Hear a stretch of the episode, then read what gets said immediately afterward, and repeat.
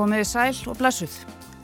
Ég heiti Sunna Valgeradóttir og stýri veikulókonum á rása 1 í dag, laugardaginn 11. november 2023. Þetta er dagur sem verður líklega lengi hafður í minnum fólks, sérstaklega þeirra sem búa hér aðeins í söðvestur átt um 50 km frá okkur í örginu í efstaleitinu. Grindavík stendur nú tóm eftir rýmingu næturinnar, fólk þurfti að yfirgefa heimili sín og sofa annar staðar. Almannavarnir lístu yfir neyðar ástandi í gerðkvöldi en grindvikingar byrjuðu þó að streyma úr bænum setnipartin í gær þar sem það var bara eiginlega ekki hægt að vera til út af skjáltum. Og þau hafa þurft að þóla skjálta mismikla þó í nokkur ár en þetta var öðruvísi núna, þetta er einhvern veginn miklu stærra. Húsin eru skemmt, veginnir eru farnir í sundur og lagnirnar líka. Kvikan undir yfirborðinu er meiri en það sem við höfum séð í þessu ferli undan farin ár í síðustu gósum sem voru ímist kvöldu ræflar eða túristagós eða bara sínishorn af miklu, miklu stærri atbyrðarás. Atbyrðarás sem Víðir Reynisson segir gríðarlega öfluga og að ekkert bendi til að sé að ljúka. En ég og Lítiða Gretastóttir, tæknimaður, hún stjórnar útsendingunni, við höfum fengið til okkar afskaplega góða gesti til þess að fara yfir þessa súrealísku viku sem hefur heldur betur þróast hratt. Það eru þau Þorvaldur Þóruðarsson, jarðfræðingur, eldfjalla Séni, Pall Há Ketilsson, Víkur Víkur frétta rittstjóri til áratuga og Óluf Ragnarstóttir, fréttakona og vestmanniðingur. Verið velkomin. Takk. Takk fyrir. Góðan daginn. Góðan daginn. Eldfjalla sénið, ég verð nú að, að byrja á þér. Hvað, hvað er að gerast undir Grindavík? Það sem virðist verið í gangi núna er það að, að uh, við erum búin að vera að sapna kviku í þannig að geimstuhólf á 45 km dýpi í þar vikur og uh, það er eins og að kvika þaðan hafi síðan farið af stað og inn í sprungu sem við oft talaðum sem gang. Kvikugangur. Já, það er bara línulegt fyrirbæri, þannig að sprungu, þú veitir hvernig sprungunar eru, svo eldi kvikan og hún er bara að fylla inn í sprunguna og það er gangurinn. Og hún verður þegar að fara allavega að, hluta til lárétt og hefur farið þá sem sagt suðrættir og undir Grindavík og er nú komið í grunnsæfið, bara rétt utan við Grindavíkurhafn, sem skjáltaverknin. Mm -hmm. Og ef að kvikan sem sagt er það fyrirbæri sem býti þess að skjálta, þá er hún komið þangað. Og uh, skjáltarnir þar eru nú alveg niður á fjara, fimm kilómetra dýpi en þá, en það er einhverju grinnri skjáltar og uh, þannig að, að það er ekki, kannski ekki alveg ljóst hvort að kvikan sé fann að rísi átt að yfirborði að einhverju raða en, en það getur svo sem alveg raungerstu á næstu klukkustundum með þetta.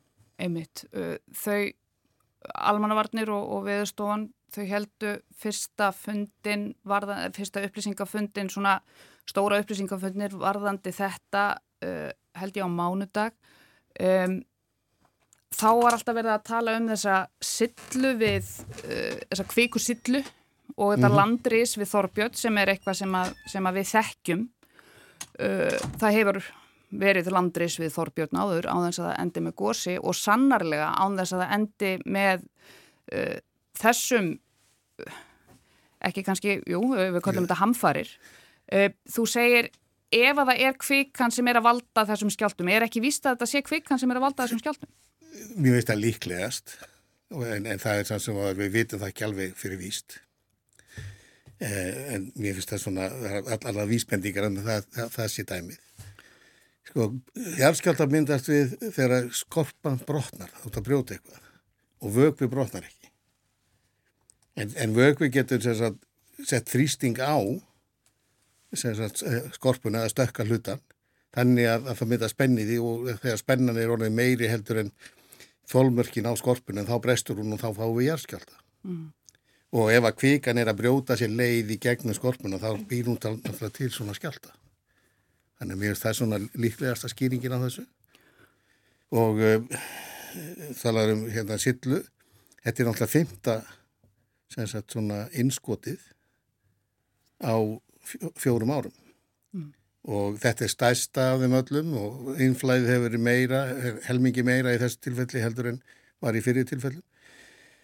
Önnur leið að hugsa um þess að sillu það er raun og þetta bara er, er geimsluhólf fyrir kviku á til dæla grunnu dýpi, þess að 405 km sem þykir ekki mikið dýpi þegar við erum að hugsa um þessi fyrirbæri og uh, þannig er við búin að vera að sapna kviku í rúmar tvær vikur og landriðsið er afleggingin að því það er að búa, búa sér til plás en það sem við gerir líka þú náttúrulega byggir upp innri spennuna í í geimslutáknum eða, eða kviku hólfinu orðað svo leiðis og eftir þessi myndið þýstingunni meiri því uh, hérna þegar kvikan fer að stað þá fer hann að stað með meiri hraða. Og uh, ef það verður gós þá verður gósið þeim við nöflura. Mm. og mér finnst nú það sem atbyrðurásinni gær með þessu tittur á stóru skjáltum og, og tittur á stóru skjáltum jáfnvel undir, beint undir Grindavík benda til þess að hafa verið tölur kvík og þrýstingur í þessu geimsluhólfið hana og við sáum afleggingar af því hann í gær þessi atbyrðarás hefur verið, hún hefur verið ansir hröð og mér langar núna að taka smá hljóðdæmi varðandi það. Uh, ég klifti saman örlittla búta úr fréttum sem að eru, sérst, elsti búturinn er frá því fyrradag og fymtudag, það sem er viðtal við Víður Einarsson. Uh, ég held hans ég að bregðast við einhverju viðtal við þig, þar sem að þú saðir, mér langar ekki að sofa, sofa ég myndi ekki sofa rótt í Grindavík mm -hmm. þetta hefst sem sagt á, á viðtalvi víði á fymtudag uh, í fyrradag og síðan eru klippur úr fréttum í gær, förstudag bæði viðtalvið Benedikt Ófeksson uh, hjá veðurstofunni og svo víði og svo endum við á uh, gerðkvöldinu og það er bæði talað um að hraun getur runnið á einhvern stað á einhverjum örfa og mínúndum, það er verið að tala um að fólk eigi ekki að sofa einhver staðar á einhverjum ákvörnum staða út af þessum hlutum en það er ekki það sem við erum að segja, það er ekki það sem að, það sem að neitt í kerfinu eh, segir að geti gæst. Ég, ég skal fara til Grindavíkur og sofa þeirri nótt, það er ekkert mál sko. Já, við erum búin að vera að horfa núna á í allan dag, aukna skjáltaverkni undir Sundknók-gíg, þetta er svona 3 km norðustur af Grindavík Um, svo sem upp á hátegi þá, þá lifnaði mjög mikið yfir þessu og við sjáum stóra skjálta uh, fjóra, marga skjálta yfir fjóra mm -hmm. og, og síðan þá hefur rauninni, hvað ég var að segja, intensitíð á skjáltavirkninni vaksið mjög hratt. Já. Við verðum bara að fylgjast með hvað skjáltavirknin er, hvert hún þróast og það getur tekið marga daga. Um, það er ekki hægt að segja þá á þeirri stundu en þar sem hann er núna þá er ekki Grindavík í neittni hættu. Þið hafið ekkert þurft að rýma bæinn Grindavík? Nei, nei, það er engin þörf á því eins og, eins og staðin er en við skiljum það mjög vel að fólk er að fara. Núna á 11. tímanum upplýsti Veðurstofa Íslands almannavarðir um það að ekki verða að útiloka kveikugangunum sem er að myndast geti náð til Grindavíkur. Verið er að rýma Grindavík og neyðarst í almannavarna hefur verið líst yfir. Það er ljóst að við erum að fást við atbyrði sem við Íslendingar höfum ekki upplifað síðan gauðs í vestmanni. Við tókumst á það saman og við munum takast á þetta saman og látum ekki hugfallast. Gangi ekki vel og fariði varlega. Þetta var eh, svona samsöða af ekki eh, lengri tíma, lengra tímabili heldur en bara einum og hálfum degi nánast. Eh, þannig að atbyrðarásin hefur verið rosalega hröð. Nú erum við að tala um að þessi kveikugangur, hún gæti jafnvel náð út í sjó hvað þýðir það? Ef, að, hann, hann, ef þetta er þess að kvingugangur sem hefur farið allar leið eins og skjáltaði sína þá er hann komin út í sjó mm. eða þess að undir, undir grunnsæfið og ef að, ef að kvikan fer upp þar og það verður gós að þá fáum við eh, öskugós Sprengigós Já, það, við köllum það sprengigós en, en þetta verður aldrei neitt svakalega upplugt sprengigós. Við erum ekki að tala um ykkur e, e, gósi svo í heklu eða, eða örafajökli eða þess aftar. Sko. Heldur verður þetta aflið í gósinu verður, myndi vera svipa því sem við myndum fá ef, ef gósi var upp á landi það, og þá á formi kvikustróka. En að þetta utanankomandi vatn það sagt hraðkæli kvikuna og þá sundrast hún meira og mynda meira af ösku. Þá er nú allt sem kemur upp miklu fítni í kottninu og eftir sem það er fítna þeir besta lengra, lengri burtu frá, frá upptakastað og það myndi þá mynda gjóskufall sem að ég endur svo reikna með að væri komið niður fyrir 5 cm svona 3-5 km frá upptökum. En s- svona gós geta náttúrulega líka allra næst upptökunum geta þau verið dóltið skafa en þau geta líka myndað þessu kvöldum guslu. Það er raun og veru hérna, gjósku ský sem að fara með jörðinu og fara, geta farið mjög hratt. Við erum að tala um sko, 50 eða einhverja 20 til jafnvel 100 sko, hérna, kilometra klukkustund. Og það eru svona brennandi heitt. ekki þessu tilfelli. Nei. þau, eru, sko, þau geta verið það getur verið ákveðin hiti en það er svo mikið vaskufa í í kerfinu. Og hún hefur kælt allt niður og það er ástæðan fyrir að gósmekkurinn hann getur ekki lift sér, hann næri ekki að hýta upp þetta andrúrslót sem hann er að draga inn í sig, nægilega mikið að lifta sér. Og þá dettur hann niður og þetta flæðir eftir hérna yfirborðinu af miklu hraða. Þetta, en þetta er yfirleitt kalt en þetta er mjög oft líka súrefnislaust.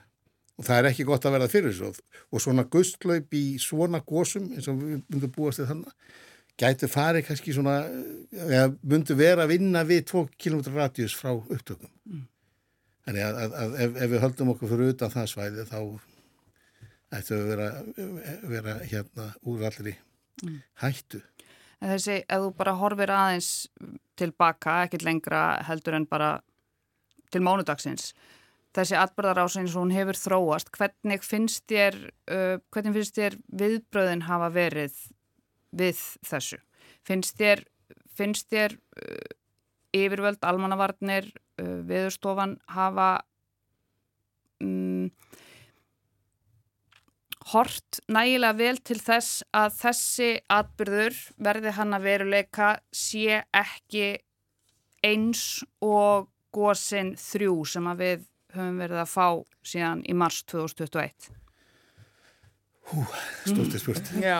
sko, ég, ég held að að hérna, þeir hafa einfalda hlutina helst til mikið og jafnvel talið sér vita meira heldur en við kannski getum vitað um, um svona atbyrðu og hvernig þeir þróast.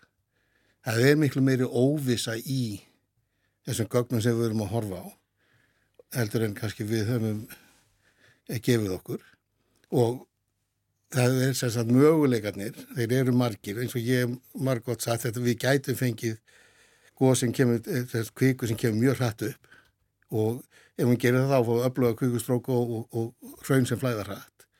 Getur líka verið hinn og myndin að það kemur bara upp í rólaheitunum og síðan fáum við hérna svona gott og, og fallit ferðamannagós og það verður alveg sérst eins og er að líkundir á því að, að gos, minni gósin raungerist eru meiri heldur en, heldur en þessi allra svartasta mynd. Mm. En þegar maður hugsa um svona atbyrði, þá verður við að taka tillit til allra sviðsmynda. Jafnveg þó okkur lítist ekki á hann og við verðum að hugsa þetta alltaf út frá, út frá fólkinu líka. Það er sko að býða með það að, að rýma Grindavík til dæmis þanga til að þeir telja sér mögulega gós á, á leiðinni.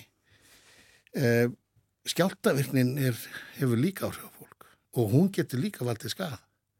Þetta er eins og bara við horfum á í gær þegar það var að hrinjur hillum og annað. Er þegar búin að valda skada? Já, já, það er alveg rétt. Þú veist, miklu skada. Miklu skada, en hefði geta líka valdið slísum Já.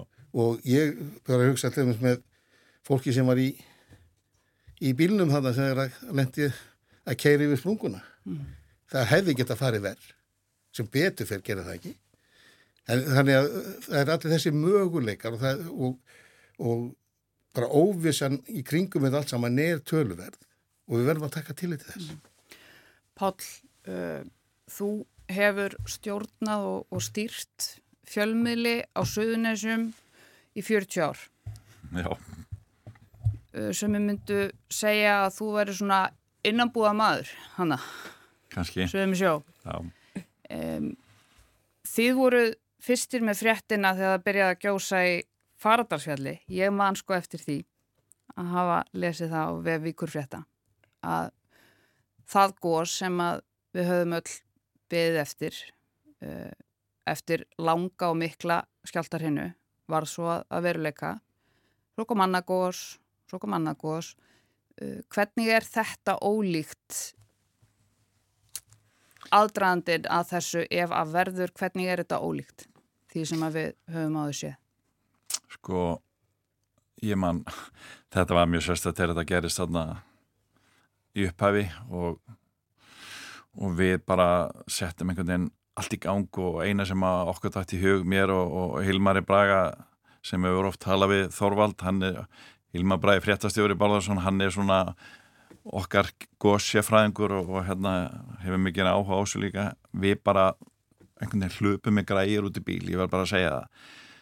Og, og stoppa ekki símin hjá mér á leiðinu frá fréttastofum, alþjóðlegum fréttastofum íslensku fréttastofum að því að við vorum búin að byrta fyrstu myndina.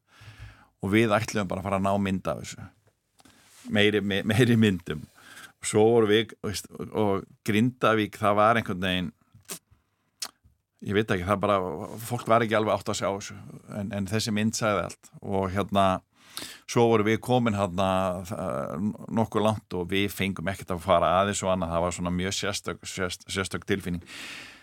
Mér fannst samt sko ef ég rifja það upp uh, spennuna þá, er að hérna þá var ég svona meiri svona fréttamanna spennu, núna hef ég meiri áhyggjur. Mm.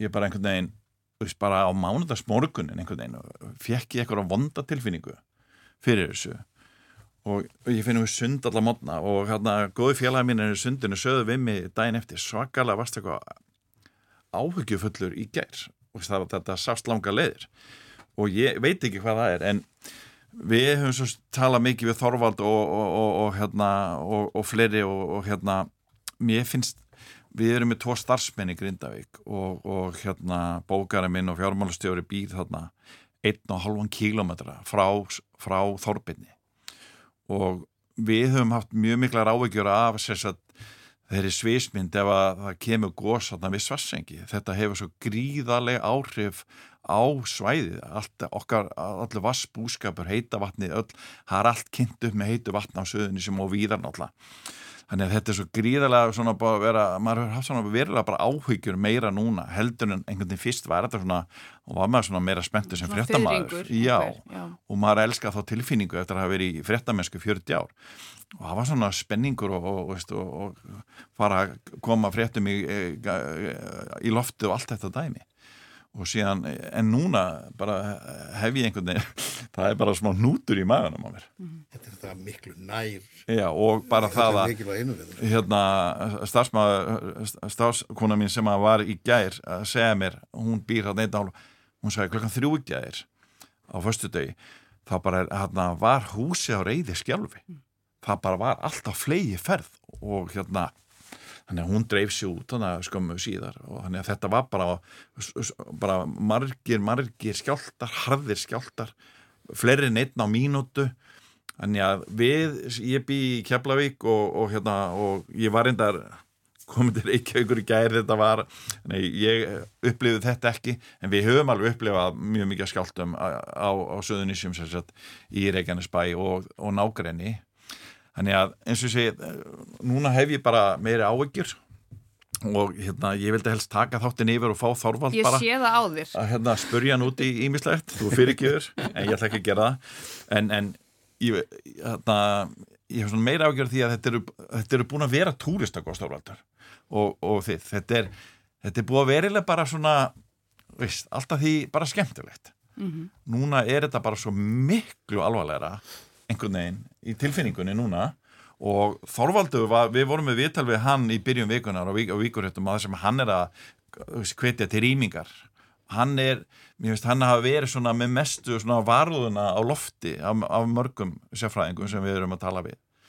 Og sumum finnst það svolítið óþægilegt hvað hann er hérna og bein og en, en, en, en þannig að þetta er eins og sé þetta er svona þetta er svona verri tilfinning núna mm. nú er ekki sama einhvern veginn spenna fyrir í frettamanns uh, maganum sko bara ég hef áhugjör að svæðin ég hef áhugjör ef þetta verður en uh, mann hefur áhugjör er, er, og mér langar svo að spyrja Þorvald, má ég skjóta þetta spurning á hann? Þú mátt gera það að hérna, hvað væri getur þess að denna gæsla bara besta gósið ef það kemur minnstu afleiðinga er það ef það er út í sjó? Ég, það, góðsóti sjó geta þetta örlega áhrif á Grindavíkur eh, ef ég ætti að velja ef ég, ef, ef ég ætti að velja góðstað þannig sem þetta kemur tímin og segði að verður góðstasvæðinu, hvar vilt það hafa það? Þá myndi ég segja eldvörpum. Já, en ég meina með við núna nýjustu reyfingar en, en e, þá myndi ég helst vilja að vera eins sem nist á sundnjúka sprungunni Já, nist auðvitað. Já, en hún er alltaf mjög laung Já. hún nær sko hérna svona einast því, já, vel inn á þráinskjöldin í áttina vógum og síðan yfir vatnanskilin og alveg sem sagt niður undir Grindavík það er sem sagt siðstu gígarnir á sundnjúka sprungunni mm -hmm. eru 800 metra norðan við Grindavík Ólöf mm -hmm. uh, þó að erlendarfréttir séu kannski þitt sérsvið hérna á rúf og kannski þó að það séu líka kannski hamfarir þó að þær hamfarir sem þú fjallar um séu nú yfirleitt af, af mannavöldum e, stríð þá langaði mig að heyra frá þér varðandi þetta sem Páll var að segja þessi, þessar áhyggjur sem að, sem að hann er með. Þú ert ekki bara fréttakona, þú ert líka eigakona og Rétt. þó að þú sért uh, ofung til að hafa upplifað gósið í heimaði 1973 þá þekkir þú aldeilis fólk sem að var þar þegar það gerðist og þér finnst uh, þessar fregnir af, af mögulegum eldgórsum og þessir jarðskjáltar þú farið ekki fyrring þegar að, eða svona skemmtilegan fyrring þegar að þegar að það er. Hvernig eru eigamenn að upplifa þessar hamfarir hérna á söðunisunum? Einmitt, sko, ég held ekki alveg lofa eitthvað því að í Vestmannum er núna örgulega meira hluti fólks bara að upplifa eitthvað svona áfallastaritu að fylgjast með uh, rýmingum á í Grindavík. Um, að því að vorum að tala um fyrirgósinn, túristagósinn og svona spennuna á feyringin, þú veist, móðu mín sem er, uh, var 11 ára held ég þegar hérna gósið var hún hefur ekki haft nokkuð einast áhuga því að fara að skoða eitthvað elgós og skilur ekki alveg að fólki finnist það spennandi. En auðvitað, vitum við þetta er stórkurslegt að sjá og allt það. En þetta er bara allt önnur upplifun þegar þetta hefur svona rosaleg áhrif á bæjarfélagið. Og gósið er rísastór hlutur á sjálfsmynd eigamanna og það að hafa upplifað þetta einhvern veginn þó ég hef ekki gert það sjálf þá samt finnum maður svolítið fyrir þessu fyrst skiptið sem ég til dæmis og ég er ekki svo eina sem ekki ekki gegnum þetta lærði, lærði um gósið þá bara svafi ég ekki, ég var svo hrætt mamma þurfti að ljúa mér sko, þetta hefði enginn verið hrættur, þetta var svo bara ekkert mann æskilji, þetta er og það að missa til dæmis um, sumir mistu þetta heimil sín í eigum um, svo tilfinning að missa á augabræði heimiliðitt getur bara haft sömu áhrif allavega til stittri tíma á fólk og fólk sem er flýr heimilisinn í stríði. Þetta er sálfræðin, þetta hefur mjög mikil áhrif á fólk. Þannig að uh, ég, ég skil sem Páll var að segja með svona ónóta tilfinninguna og hræðsluna ég, hérna, mm. það ætti alltaf að ég hegjum á hérna örðu bönn viðskila við fóreldrana þegar var að vera að rýna bæin og þau kannski hitt ekki fóröldar fyrir tegum eða þrejum dögum senna. Já. Það var að leita bönni, þau vissi ekki hvað bönni voru Akkurat. og það getur rétt ímyndið sér angistina sem því fylgir sko. Emmitt þetta er svona risastort sár sem einhvern veginn, þú veist, hefur kannski gróðið aðeins en hefur ekki verið unnið að ég held nógu mikið úr að því að það mátt ekkert kvarta. Mm. Það, það, það var hérna, nánast engin döðsföll aðeins eitt bara við liðum þetta nú af og og hérna nú bara höldum við áfram og, og veist, ég held að fæstir hafi unnið úr þessu áfalli sko. mm. Það vantar alltaf áfalla hjálp og það, það var líka að hugsa um það í, í þessu tilfelli þó svo verða ekkit eldgós mm -hmm. bara þessi, allir þessi skjáltaverni Já, og eitthvað að vera lengi Já Við vorum núna, þegar við vorum að reyfi upp þessum ál þegar þetta byrjaði, við vorum í síðustu viku að að spjalla við fólk í Grindavík eh, sem að upplifið mikla skjálta fyrir 50 árum síðan. Og ég rætti við eitt grindviking sem upplifði það þegar hann var 60 ára gammal fyrir rúmum 50 árum síðan að það var það mikið þá að sérst að, pappi er að vara á sjó og mamma og, lætin voru þarna og hún sérst hafði börnin öll í fötun vildi að þau væri bara tilbúin í fötun og þó væri að fara að sofa og hún líka og var bara með skóna yfir rúmu og þau sofa öll saman. Þau ætla bara tilbúin að hlaup út. Mm. Þetta, þetta, er, þetta er ekki nýtt í Grindavík en einhvern veginn hefur þetta svona ekki verið svona eins og ofalega umræðun en þegar, þegar Grindvinga var að revja upp gamla tíma þá eh, en upplýsingaflæðið var, er bara miklu minna já, miklu. og, félags, félagslegt minni samfélagslegt minni það er frekar stutt já, já, við erum fljóta að gleyma það er sko, þegar þú komin svona 60-70 ár frá atbyrði, þá eru flesti búin að gleyma já. en svo höfum við líka verið að, að það er sífælt verið að minna okkur á af vísindamönnum uh, að þessi atbyrðar á sem að hófst með þessum þýðringi sem að mörg fengu þegar að byrjaði að gjósa við Færaldarsfjall í mars uh, 2021 það væri bara bara byrjunin á atbyrðar ás sem geti staðið yfir lengi. Vegna þess að Reykjanesið er Já, bara eðli virtunin á Reykjanes er þannig að það er með eldgóðs á tímabil. Mm -hmm. og við vorum nú að tala um þetta og minnast á þetta hérna að 2019 eða 2018 það vel minna að vera 2019 í, í, í einum svona sjónastættinu og það var í tengstu við það að við vorum búin að vera að vinna í rannsóknum á að taka út eldgóðs af vonna á reyna að meta þess að hættunar og, og, og út frá aðferðum sem við þróðum í gegnum tvö Európaverkefni og ég bara sá þetta svo sem alveg fyrir þannig, þannig sé, maður vissi ekki hvernig það myndi byrja en, en tímin var komin þessi mm. svona cirka bát 800 ára hérna pása á eldverkni hún, hún var að vera búinn Hefur ágjörð að þetta verði meir enn túristakos núna? núna? Ég, já, ég hef tölurverðar ágjör af því og sérstaklega með þetta komið þannig undir undir Grindavík, eh, undir Grindavík og, og grinningarnar og ef, ef að kemur upp góðstar þá, þá vitum við alveg hver afleggingarnar eru og þær eru skelvilegar. Hverjar eru þær? Ef við bara orðum þær aðeins. Ef, ef, að, ef að sprungan opnast í gegnum Grindavík. Já, ok, já. Þú talum um þessunni miðan bænum. Eða? Já, bara upp, eh, skjáltarnir liggja alveg undir bæin já. og síðan rétt vestan við höfnina og út, út í grinningarnar mm -hmm og ef að, ef að sprunga opnast sem er ekki, alls ekki gefið sko. En ef, ef það gerir þá er það náttúrulega svört mynd því að þá fáum við bara kveikustrók upp í miðin bænum og, og raunflæði út frá því Erum við þá að tala um þessi sprunga sem að myndaðist bæði í veginum og liggur einhvern veginn í gegn og fór svo í gegnum hjúgrunarheimilið eða hvað? Hún er tengst sko, það er náttúrulega kannski marga sprungu sko, já, já, en, og, en... og, og það, er, það tengjast þessu þessari, virkni sem er hann undir en ef, ef þú hugsaðir sko hérna þú ert að opna sprungu og kvikan hún bara flæ, flæðir lárétt inn í sprungun og er að, er að fara frá sem sagt svona svæðinu rétt norða við Þorbjörn og allar leið niður til Grindavíkur og gegn, sem undir Grindavíkur út í, út, út í grinningarnar. Og ef hún kemur beint upp þaðan mm. þá náttúrulega erum við konum með góðs inn, inn í bæ og sem er, já ég vona bara alls ekki gerist.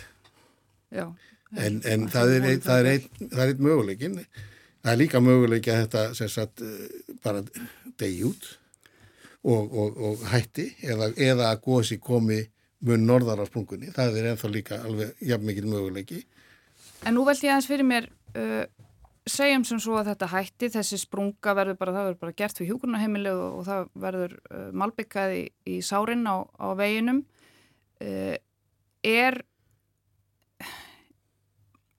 er það samt sem áður er, er það þá bara einhver pása eða gæti, gæti verið að þessi atbyrðu myndi bara lognast algjörlega út af og svo myndi við bara sjá þetta næst eh, Það getur alveg gæst, það getur Já. alveg lognast út af og, og hérna svona einstinni þá vona ég það það er bara, þú, það er mín heitast orka þetta var svona hætti mm. en því miður er, er kannski sko, myndi, myndi sem við höfum hún er önnur, vennig sem við erum búin að fá fimm svona innskot á fjórum árum á þessu sama stað. Og það er fyrir mér lítur á þannig út að við erum með dýbri svona kveikugeimslu sem að nær undir farðarsfjallið og er, er törfið stór. Og það er þess, þessi landlifting sem var í myndin á farðarsfjallinu og þar hefur kvika verið að sapnast sennilega í 800 ár. Og er komin á hreyfingu. Og hún, ein, ein af þeim hreyfingu sem hún er á er það að það er búið til sér leið frá þessu dýbra hólfi upp í þessa, þetta grinnara geimsluhól sem er undir, eða við Þorbjörnin og það er komið þessi tenging hann á milli. Og ef finnst hún er komin þá getur þetta endur tekið sig. Eh, ég veit ekki hversu oft. Það getur verið einu sinni, það getur verið fleiri, eh, fleiri tilfelli. Mm. en á endanum stoppar þetta. Og þá, og þá hérna fer þetta í róð og vonandi þá í einhver, einhver ára tví ef ekki hundruður ára á, á þessum stað. En þetta getur jafna sig? Já, já, þetta ja. getur jafna sig og, og, og við vitum ekkert fyrir hvernig nákvæmlega hvernig framtíra atbyrði verðan akkurat en, en ég held að fólk hætti bara að búa sig undir það að þetta getur, svona svipaðar atbyrði getur gerst aftur. Ólöf, uh, ég sá í gær að vestmannegingar sendu hlýjarkvæður til grindvikinga og, og opnuðu heimil sín buðuðu velkominn ef að þau þurftu að, sem þau þurftu að gera yfirgefa heimil sín uh, þú talar um áfallið sem að tengist því að, að missa húsið sitt. Uh, hvernig sko hvernig hefur þetta einhvern veginn uh, þessar fréttir núna af því sem er að gerast í, í Grindavík? Og svo staðrænd að þau, þessast grindvikingarnir bara þurftu að, að fara flest fengu inni hjá ættingum eða vinum mörg þurftu líka að leita bara í, í fjöldahjálpar stöð mm -hmm. um, Telur þú að uh, það sé hægt að læra eitthvað að draga einhvern lærdom á því hvernig uh, hlutinir fóru í, í vestmanniðum? Hvað er hægt að, hvernig er hægt að bregðast við? Já, ég hugsa að sé þá aðalega bara það sem við rættum hérna áðan með að hlúa að fólkinu og ekki bara passa að þau fái húsaskjól og, og svo framvegis heldur líka sáluhjálp. Mm. Þetta hefur mismöndi áhrif á fólku, þetta við erum alls svo misjöfn, tökum þetta mismikið, þú veist, kannski inn á okkur, en, en ég hugsa að það væri allavega stærsti lærdomurinn mesti og svo er eitt sko að, já, mér þótti mjög fallegt og gaman og gott að sjá þetta að fólk er alveg tilbúið að opna heimili sín og, og varum þetta að sjá við talaðan við konu sem mætti hann í fjölda hjálpa meðstöðuna með leikfeng fyrir börnin og, og svona. Uh, en vonandi, emitt, vonandi getur fólk bara að fara aftur heim til sín. Uh, en ef ekki vonandi heldur þessi velvild áfram að því að vestmanningar til dæmis margir upplifðu mikla fordóma sem flóta fólk sem þau voru náttúrulega bara uh, þetta var svona við og þau stemmingin, vestmanningarnir, þurvalingarnir og, og svona var ekkit, þetta var ekkert allt frábært mm. þá sko uh, við erum svolítið fljótstundum samakvort að hvaðan fólk er að koma og hvaða er að flýja að svona fá kannski eh, hafa ekki mikla þólumæði fyrir, fyrir flóttu fólki. Það var um eigabíðina í Keflavík þegar að gósi í eigin var það náttúrulega var hann fljóðlega sem að mm -hmm. það, það reys eigabíðina gæsalpa í Keflavík og víðar í Grindavík líka. Akkurát. Mjög, mörg, mjög mörgum bæð. Já, mörgum bæð komu svo kvöldu vila sjóshús og eru, veist, og eru enn við líða og, og, og bara þessi fínistu hús í dag þannig að það er mikið af vestmanningum á, á söðunni sem hérna frá góðsunum Ég hef nefnilega einn ættingja sem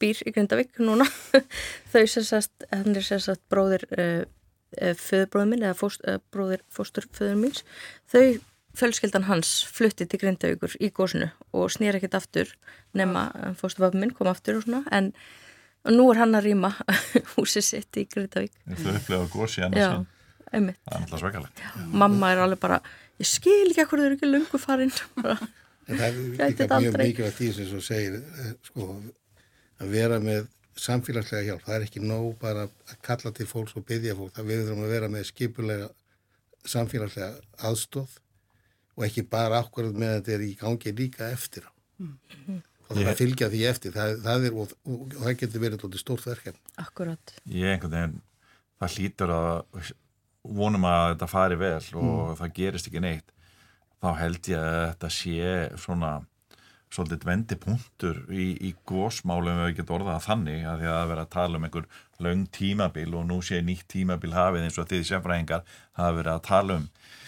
Ég held að þetta sem búið að gerast núni í þessar viku sé eitthvað nýtt finnst mér uh, hvað það varðar að að, að, að hérna ég, á, ég hef smá ágjör á því og spurning hvernig það verður hvað getur þess að tæklað á næstunni verði ekki bara stöðufundir uh, árlega eða ofta ári ef þetta fer vel. Það þarf að verður meiri vakt meiri áður en við höldum lengra og við tölum um uh, svona hvað við vonum og hvað við vonum ekki þá var að koma uppfærsla inn á vefrúf frá uh, Jærfiðsindastofnun Háskólans. Eh, þetta er nýtt, þetta var byrstast fyrir tveimu mínútum, samkvæmt reikni líkanir sem vísindamenn viðurstofunar hafa útbúið eftir að hafa skoða myndir úr gerfitunglum. Eh, þá er toppurinn á kvikuganginum undir Grindavík á um 1,5 km dýpi. Út frá þeim mælingum og gerfitunglamyndum verðist stærð kvikugangsins og kvikuflæðið honum tengdum vera markvallt á við það sem við höfum áður séð og hefur áður mælst í umbrótum á Reykjaneska á Reykjanesi síðustu ár. Kvikugangurinn nær frá stóra skóksfelli í norðri og suður fyrir Grindavíkubæ og út í sjó. Viðstofan telur að í ljósi söguna sé ólíklegt að gós komi upp á hafsbotni. Hraði aflögunarinnar er markfaldur á við það sem hefur mælst í umbrótum á Reykjanesinu. Hvað þýðir þetta? Ég veist þetta nú svona vera bara vísbending að við erum á leiðin í, í góðs og ég þykir hérna leitt að heyra það að, að uh, eins og ef kemur hann fram við erum þeirra grinstil hlutin sé þá á þessu kvíkugangi hann er undir Grindavík mm -hmm.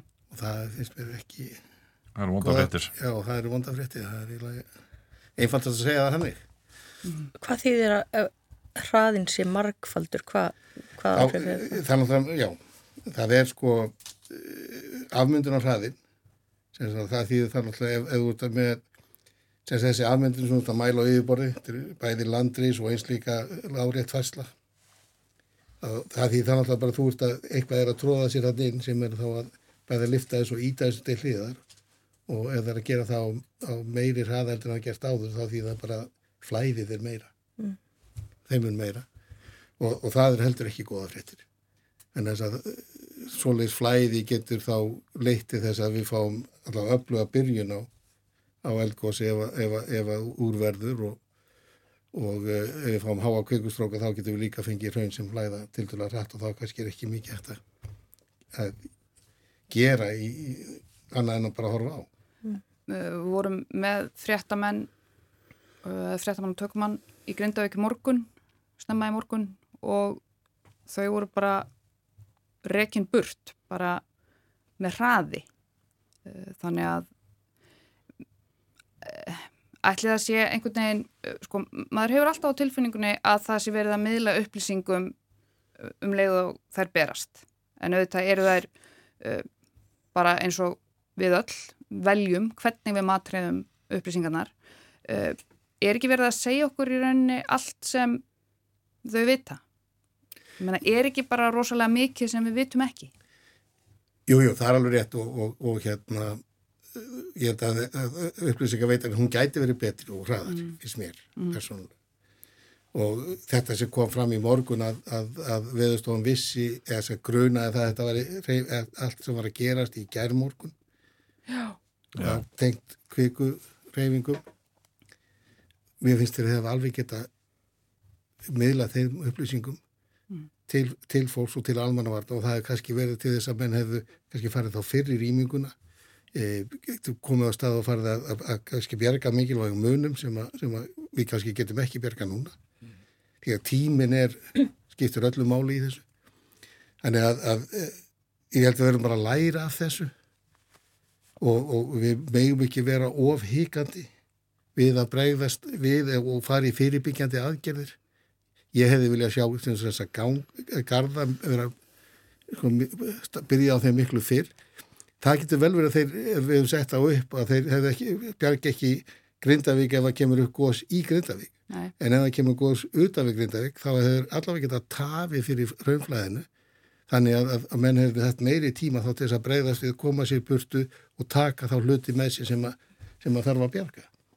Já, það var einmitt bara uh, í gær í rauninni verið að segja að, að það sé engin þörf á, á rýmingu í Grindavík, það síndur fullur uh, skilningur á því að fólk sé að fara vegna þess að það sé erfitt að vera í þessum skjáltum en samt sem áður einhvern veginn verið að, það er alltaf verið að, að passa að fólk sé rólegt, að fólk verði ekki rætt, uh, að það sé ekki óþarfa, óþarfa æsingur, óþarfa æsifrétta mennska, óþarfa, þú veist, sko nú ekki vera með... En skjáltar eru vá.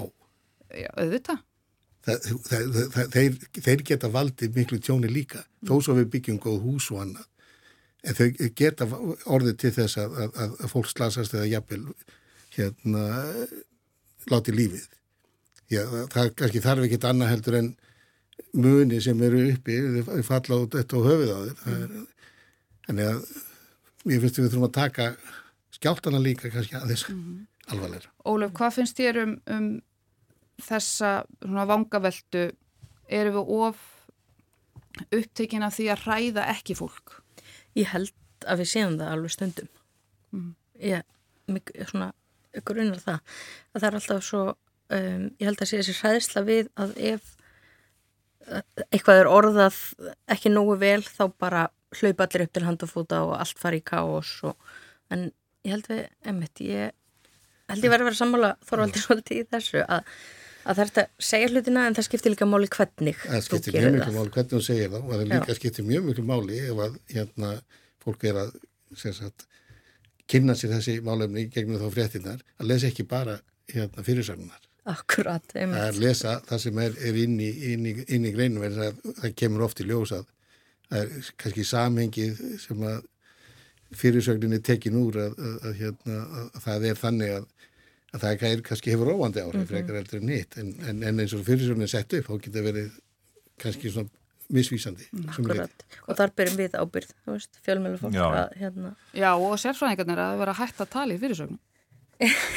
já, já, það, það má alveg gangri nokkuð líka sko og, og við höfum ekki alltaf rétt fyrir okkur heldur Við erum alltaf að leita fyrirsögnum Já En þetta náttúrulega, þessi nýjastu tíndi þau náttúrulega hljóta að vera mikið áhugjöfni og, og, og kannski ítir undir það að, að kannski höfum við, eins og maður segir, upplýsingaflæðið ekki verið nú, það hefði verið mikilvægt að að geta undirbúið þetta betur og brugðist fyrir við þó svo ekkert myndi gerast. Við myndum aldrei tapa á því. Nei, alls ekki og, og, og, og því að sko Nú er það kannski á sein það, ég, ég, Já, það gæti verið orðið á sein og líka það sko að, að þetta er kannski ekkit seinast í atbyrjun í þessu ferli heldur sko. Þannig ef við hefum verið vikt þá er ekki bara að gera fyrir þennan atbyrjun mm. en þetta er líka þá sem er kannski framtíð Það var kannski það sem ég var að segja á hana, veist, þetta mun kannski breyta hugsunagangi okkar allar sem að, og, og sérfræðingu að, að það þarf að fara að huga að þessu með, hvað sé, hérna, meiri fyrirhyggju og við þurfum að hugsa fram í tíman og En við erum náttúrulega líka svo rosalega gjörn á það að hugsa alltaf uh, einhvern veginn bara út frá því sem við þekkjum og það sem við þekkjum eru þessi litlu góðs sem að hafa verið á besta stað innan gæðsalappa lítil, uh, ræflar kvikan hafi verið svo lött að það sé óskiljanlegt hún hafi bara yfir höfu nent upp og yfirborðið sagði einhver. Uh, þannig að við kannski uh, sjálfkrafa förum í það sem við þekkjum og búumst því ekki við uh, því sem að gæti reynst svartara en svartasta sviðismyndin, eða hvað? Sum okkar þekkja náttúrulega svart, svartari myndir sko. Jú, vissulega og hérna, ég man nú alltaf eftir því að ég var í og bjóð á Nýjasjálandi 1996 og, og ég fór í þyrluflug og það var búið að vera sérst gós í Mount Roo og Pehu og uh, ég fór í þyrluflug það því að það voru svona það verið bara eitthvað smá svona gufu við sinn hann og sendu bara strákin í þetta og látum hann fljúa hann kring og svo flugum við í þyrlunni og ringin í kringu fjalli og þegar vorum að snúa við þá bara byrjaði þetta svaka gós það var stærsta gósi sem að hérna, við sáum á, á þeim tíma það er kannski skemmtilegast að við það það var 17. júni þetta var 17. júni sem betur fyrir var náttúrulega langt frá byggðbólun en skýðasvæðið þeirra voru þarna og þau voru héttu Mm -hmm. En já, við Ístendinga bara í eðlu sín eru mjög góður í því að breyðast við og, og þegar eitthvað kemur upp við, við, og gerum það mjög vel en við erum alveg afskaplega léleg í fyrirbyggjandi aðgerð. Mikilvæga, ég held að. Af hverju ætli það sé? Við erum vöðun óværi, það kemur á öllum tímum einhvern veginn Við náum ekki einu svona binda niður trampolínu. Nei, veist, og, og þetta er eitthvað í okkar eðli. Þetta er reddast. Já, þetta reddast, þetta er svolítið svo leis og, og þetta er kannski, þú veist, nú er bara komin tími til að við förum aðeins að herða, taka okkur taki í þessum málum og, og við erum með meiri fyrirbyggjandi eh, hugsannagang og aðgerðir. Ég held við verðum að gera það sérstaklega ef við erum að hugsa um þetta sem sagt það sem getur gerst á Reykjaneskaganum í, í, í náinni framtíð og við erum með mjög marga, mjög mikilvæga innviði fyrir okkar samfélagan. Mm. Ég fór bara að hugsa um þessum súröfnisvesmiðan, hún er í vógum, ekki það því, má alveg verið í vógum, en verður ekki sniðut að vera kannski með aðra einhverstar annar staðar. Bara svona... Mm. Já, það er svona skipulag sem að fara kannski að fara að hugsa, Já, dreifa áhættinu ef þetta er að segja þannig. Það, það er held að það sem við þurfum að gera dreifa áhættin ekki vera með öll leikin í sögum öskunni og, og hugsa þetta doldi frá þeim sjónarhól. Eins og það að það þarf að gera nýja hittavitu það er hægt að þannig að sé að búið til nýja hittavarsleislu fyrir hittvatn þá frá Reykjanesvirkjum inn í Njarvík þar sem að miðstöðin er eða móttakan fyrir dreifingu í staðan fyrir að þetta sé allt frá Grindavík. Mm -hmm. en, en það hefur náttúrulega bara hvað var að segja, ekkert gest í ára tugi frá því að hitavita var byrjaði 1974 á Söðunísjum og var svona á, á, viðar á Íslandi eftir það. Þannig að var, þetta var ákveði frumkvæla starf sem átti sér stað þar. Já, já. þannig að það þarf að fara að hugsa þessa hluti uh, með, með öðrum hætti. Í sammála því og ég held að við verðum að vera, fara að hugsa meira svona fyrirbyggjandi og þetta kemur allt og oft fyrir hjá okkur að það er þegar eitthvað gerist að þá breyðustu við og við fyrir að reyna að laga hlutina en í mörgum tilfellu þá hefðu við getað lagað áður en að mm -hmm. og verðast aldrei vera til nú miklu fjármunni til þess að gera fyrirbyggjandi hluti. Ég held að það spil alltaf inni við erum alltaf mm -hmm. svolítið að við eigum bara fyrir því akkurat sem við erum að fara að gera og, og það er einhvern veginn munum fyrst þetta að vera svona pínu kannski, Já, það getur satt óþarfi að vera að gera og leiða miklum peningum í, í fyrirbyggjandi aðgerðir eins og sem að svona aðgerðir kostar mikla peninga ný hitavita kostar nokkra miljardar en hvað kostar ef að allt heitt vatn fer á söðunísjum mm. það getur kostað mikið skadi það getur kostað mannslíf. Margkvælt meira fyrir utan mannslíf ég meina. Já, já. Er, þetta er mjög alveg mál. Við, við þurfum að setja þetta niður og fara í þetta samtal. Algjörlega. Já því að þú nefndir varnagarðana áðan þorvaldur, maður hugsaður mitt að því að við erum búin að fá að heyra það að þetta er einhver atbyrður sem við getum verið í næstu hundra árin. Af hverju ekki að byrja þá bara á þessu mm. núna Já og finna lausni sko, ég, til þess hvað getur við gert til þess að vernda innviðina, hvernig getur við vernda það og það, það er til fleiri einn leið. Og, og, skoða þetta út frá hugsanlegum lausnum og prófa sig áfram. Við getum farið í og búið til líkönn og annan sem að geta hjálpa okkur við að, að, að þróa hlutin og gera það betri og sterkari og, og ég man eftir ég fótt til Japan, það var eh, bæri sem heitir Sima Bara sem að það er eldfjall beint frá bæðin sem heitir Unsen og það var að gjósa og það voru hérna svona gjósku skí sem voru að koma niður hlýða fjallsins.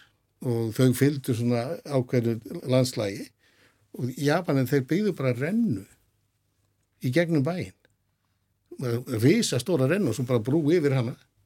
Og þar fóru þessi, þessi gjóskuski þeir fóru bara niður þessa rennu og út í sjó en maður spyr sig að það er búin að vera þrjú gós á síðustu árum, þreymur árum og það kom alltaf upp umræðin í, í, í þeim eh, hvað með innviðan eins og Ísvarsengi Jú, jú, en þetta er alltaf lægi, þetta er svo langt frá því og það er ekkert að fara að gerast þar, var svolítið svarið. Mm -hmm.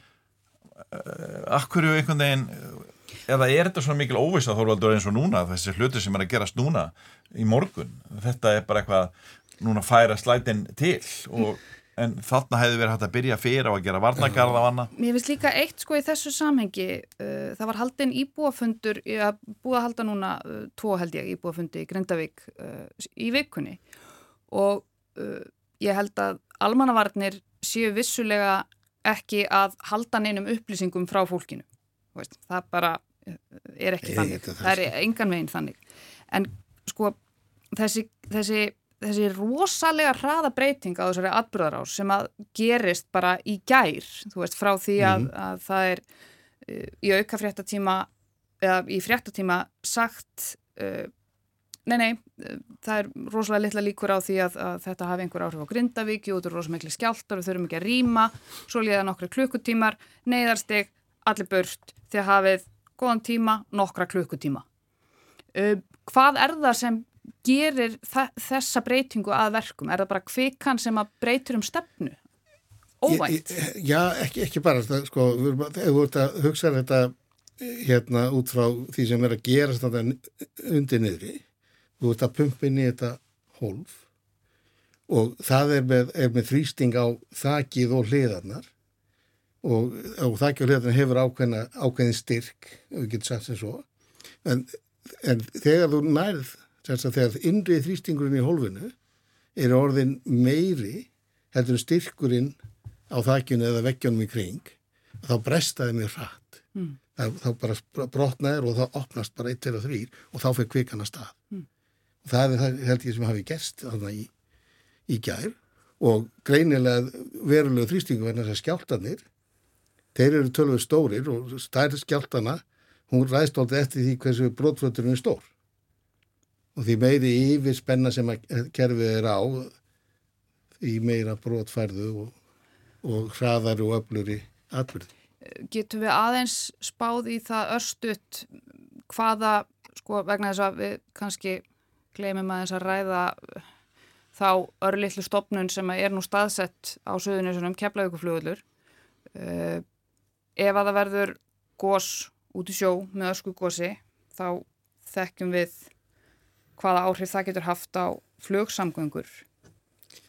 Já, já, ég held að við getum samt sem að vera tilturlega róleg hvað það var þar, þó svo að, ef það verður góðs í sjó það getur orðið öskufall. Eins og ég sagði áðan þá þú ert komin svona 3-5 km í burtu þá er, verður aldrei þygt en það getur valdið drublunum mm.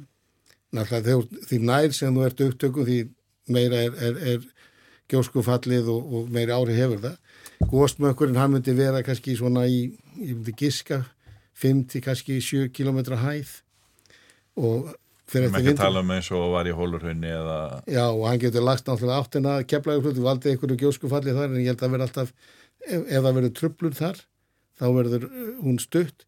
Þetta mun ekki loka sko lofthelginni eða hérna á stóru svæði þetta, og mun ekki hafa neinn veruleg áhrif til þess í Evrópu eða annar staðar. Ekki eins og í Eifallu jökli þegar það var 2010. Nei, ég þarf náttúrulega ekki að gleyma því heldur að Eyjafjallajökull er pínulíti tilbúningur uh, reglugerða. Já. Þegar þess að á þeim tíma að þá var, ef það var aska í lofthelginni, mm -hmm. þá varst það lokin allri. Já, já.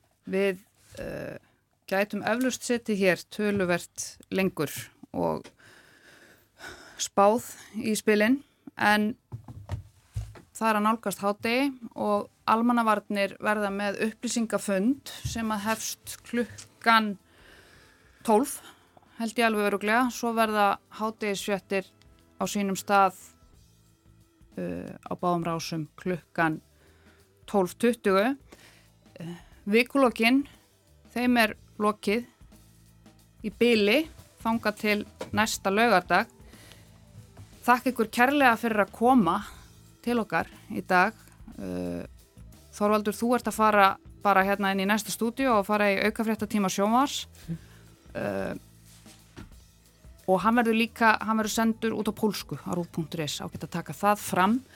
Uh, og við höldum að sjálfsögða áfram að vakta þetta sem er að gerast og verður kannski eða kannski ekki við Grindavík uh, ég ætla að leipa ykkur út í daginn Ólaf Ragnarstóttir, frétta og eiga-kona Pál Ketilsson, Víkur Frétta Rittstjóri og Þorvaldur Þórðarsson, eldfjalla profesor. Takk fyrir mig. Takk fyrir. Takk fyrir. Takk.